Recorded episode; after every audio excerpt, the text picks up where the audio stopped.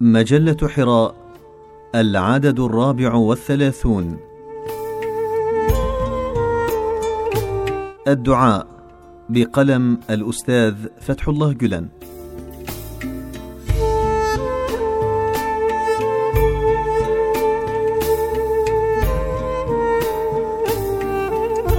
الدعاء نداء وتضرع وتوجه من الصغير إلى الكبير. ومن الأسفل إلى الأعلى ولهفة من الأرض ومن سكان الأرض نحو ما وراء السماوات وطلب ورغبة وطرح لما في الصدور من آلام. والداعي يشعر بضآلته اولا وبعظمة صاحب الباب الذي يتوجه إليه ثانيا لذا يكون متواضعا جدا. وعندما يرفع يديه بالدعاء مؤمنا بالاستجابة يتحول هو ومن حوله إلى عالم روحاني وسماوي وكأنه يسمع تسبيحات وأذكار الروحانيين وأدعيتهم. والمؤمن بهذا التوجه وبهذا الدعاء لا يطلب ما يوده وما يطمح إليه فقط بل يستغيث أيضا مما يخافه ويخشاه وهو يعلم بأن الدعاء حصنه الحصين الذي يلجأ إليه. آمالنا ورغباتنا هي دوافع نجاحنا وتوفيقنا. أما قلقنا وخشيتنا فوسيلة من وسائل يقظتنا وانتباهنا تجاه تصرفاتنا السلبية. ومع أننا لا نعرف ما قدره الله تعالى لنا ولمستقبلنا من أمور نعد آمالنا وخشيتنا في كل حين وعزمنا وقرارنا أمارة من أمارات ذلك القدر.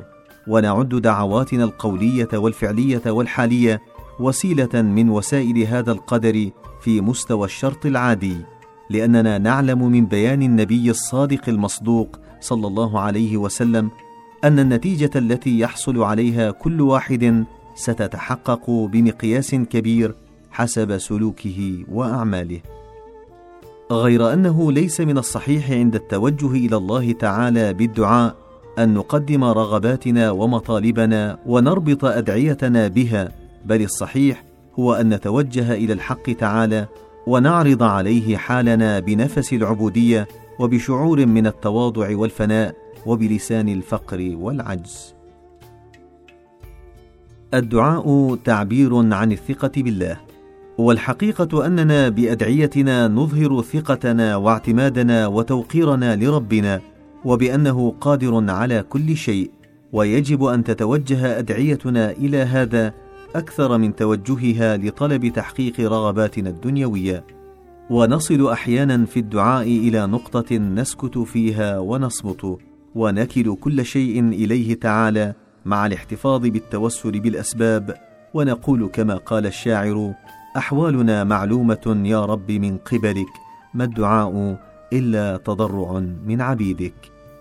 وأحيانا نقتبس أدعيتنا من القرآن الكريم أو من أدعية سيد البلغاء والأنبياء صلى الله عليه وسلم ونفتح يد الضراعة أمام باب الرحمن الذي هو محرابنا الأبدي لنشرح ونشكو أحوالنا وما يجول في أعماق أرواحنا. ورعاية منا لأدب المثول أمامه نغلق أفواهنا تماما وننتقل إلى مراقبة وننتقل إلى مراقبة صامتة. وهذه الحال حسب بعضهم وبدرجة الصدق المصاحب لها أبلغ من كل كلام وأفضل من كل بيان وأحسن من كل تضرع.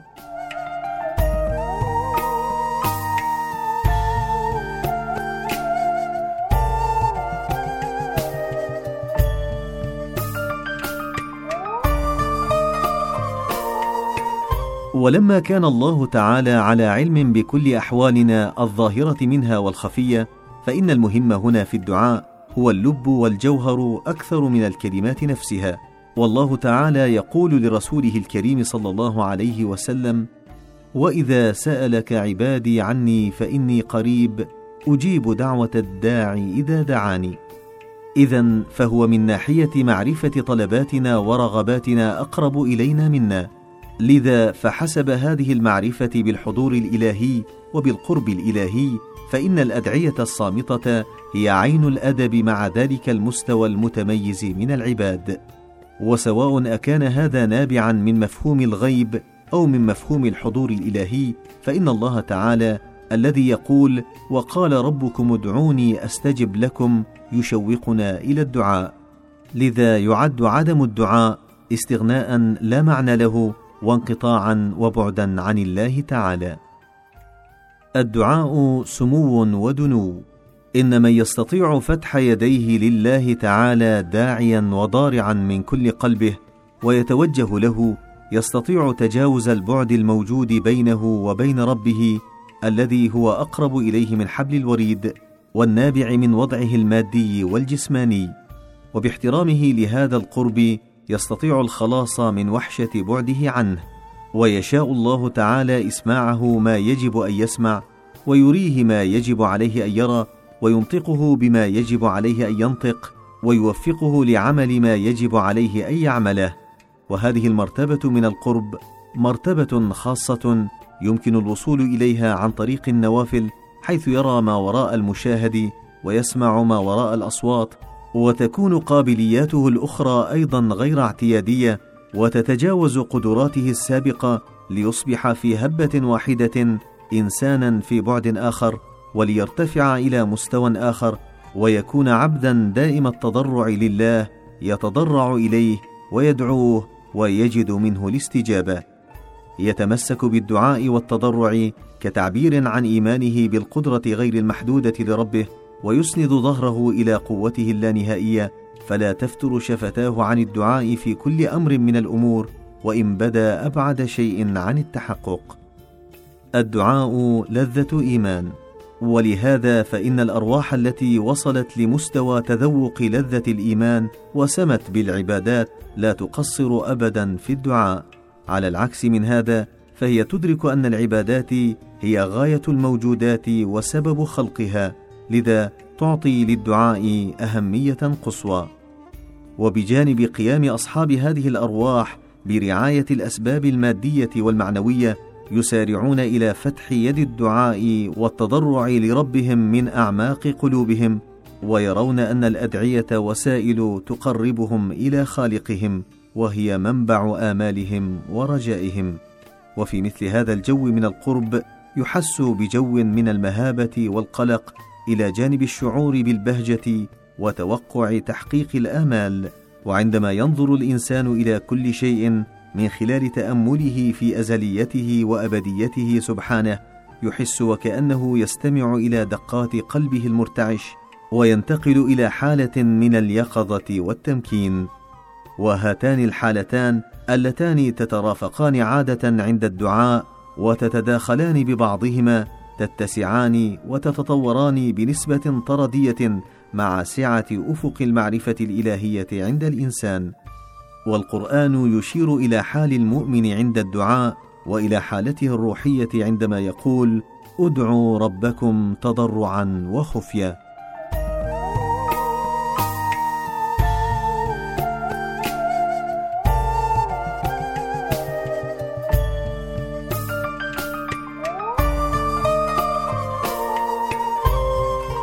هذه الآية تشير إلى أن المؤمن لا يمكن ابدا أن يستغني عن الدعاء وعن الالتجاء إلى الله وإلى أن الله تعالى بجانب عظمته وكبريائه وجبروته لا يسد أبواب رحمته وعنايته بل يذكر الإنسان بأن أبواب رحمته مفتوحة للجميع على الدوام على مصاريعها ويؤكد على أهمية الدعاء.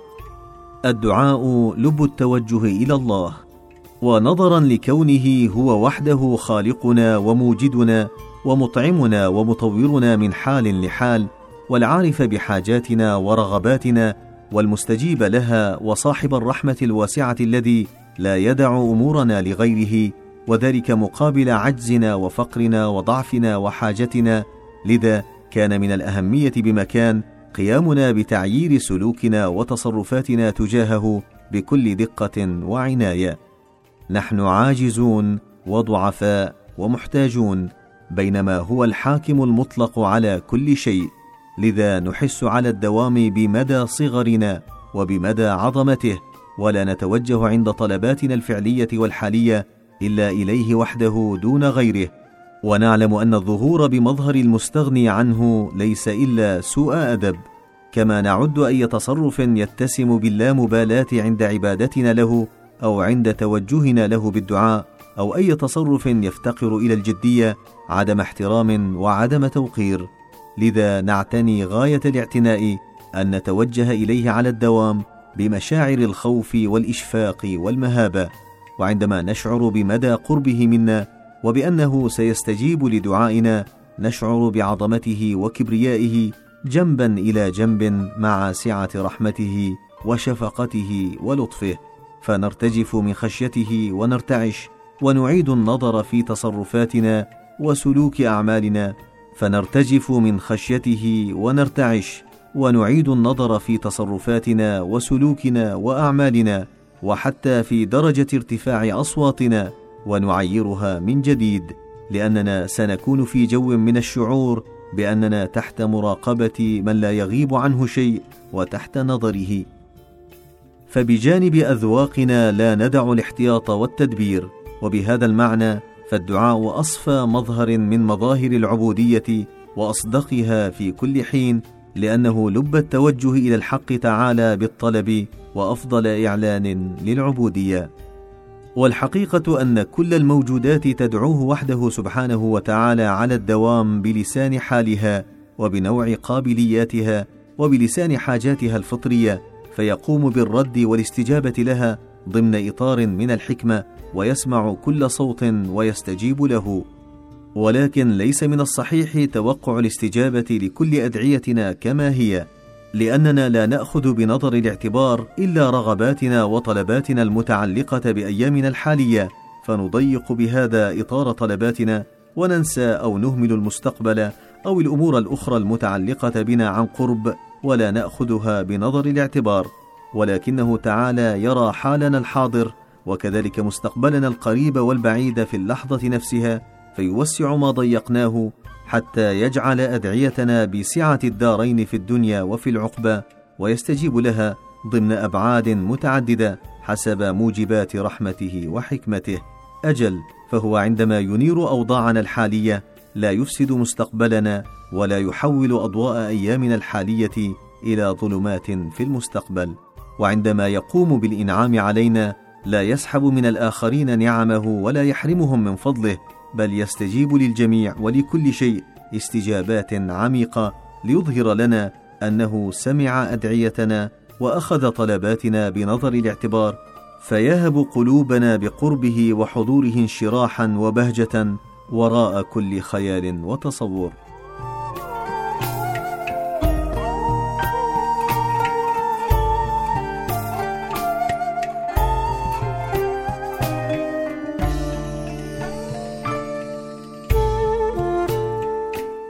الدعاء مفتاح القلوب إلى الماورائيات والقلب المتفتح على هذه المعاني عندما يفتح كف التضرع والدعاء يعلم بوجود من يراه ويحس حتى بأنفاسه ويعلم سره ونجواه ويشهد أنينه وبكاءه وهو على كل شيء قدير وحاكم ومسيطر على كل شيء يعمل ما يشاء وكيف ما يشاء وأن هناك حكما مختلفة في كل ما يفعله. واستنادا إلى رحمته وإرادته ومشيئته يرى الداعي بأنه يستطيع التغلب على كل صعب من الصعاب ويحس بالطمأنينة في أكثر أوقاته توترا وفي أصعب وأحلك الحوادث التي يجابهها ولا يتخلى عن أمله ابدا ولا يلفه اليأس مطلقا. وكم من معان عميقة تكمن في توجهه نحوه تعالى عدة مرات يوميا ضمن هذا الإطار. محاولا أن يرى ويسمع بقلبه ما وراء هذا العالم المادي. والذي يذوق فضل مثل هذا التوجه ونعمته لا يستطيع ترك ملازمة عتبة بابه تعالى. وحتى وإن لم نستطع الوصول تماما إلى مثل هذا الفضل نتوجه للمرة الأخيرة نحو باب حضرته العلية ونلمس مطرقة الباب لنتضرع وندعو بقلب يئن. أيها الموجود الأزلي الذي هو سبب وجودنا وعلته وروح أرواحنا يا من نوره ضياء عيوننا وأبصارنا. لو لم تنفخ النور في أبداننا لبقينا حمأ مسنونا ولو لم تهب النور لأعيننا كيف كنا نستطيع فهم وتقييم الكون من حولنا؟ وكيف كنا نستطيع معرفتك؟ لقد أوجدتنا مرتين مرة عندما خلقتنا ومرة عندما وهبت لنا الإيمان والعرفان ولو قمنا بحمدك والثناء عليك بعدد ذرات الكون لما وفينا حقك من الشكر. يا أجمل من كل جميل ويا أبهى من كل بهي يا من تظهر صور الجمال في كل آن وحين وتستر ما يبدو قبيحا حتى تضفي عليه مسحة من الجمال. نتضرع إليك أن تملأ قلوبنا بمشاعر الجمال وأحاسيسه. وأن تبصرنا بطرق الجمال ومسالكه على الدوام. يا أرحم من كل رحيم يا من لا تعاقب المسيء فورا يا من تمهل وتتغاضى عمن يتجاوز حده وتترك له فرصة لتنقية قلبه من الذنوب والآثام المعنوية. احفظنا يا رب من التلوث بالآثام وبالذنوب واغفر لنا عندما نتلوث ببعضها ولا تحرمنا من مغفرتك ومن رحمتك ولا تبعدنا عنها. كنا عدما فأوجدتنا ونحن مستمرون في الحياة بفضلك وبلطفك وبجودك وإحسانك محاطون على الدوام بجودك وبإحسانك وكرمك. أنت يا ربي من منح النور لعقولنا ولذة الإيمان لقلوبنا. كان العقل في تشوش وتخبط حتى وصل إليك. وكانت النفس تعدو وراء البغي. وعندما جعلت العقل مرشدا وهاديا لجمت به أهواء النفس وفتحت أمامها أفق الاطمئنان.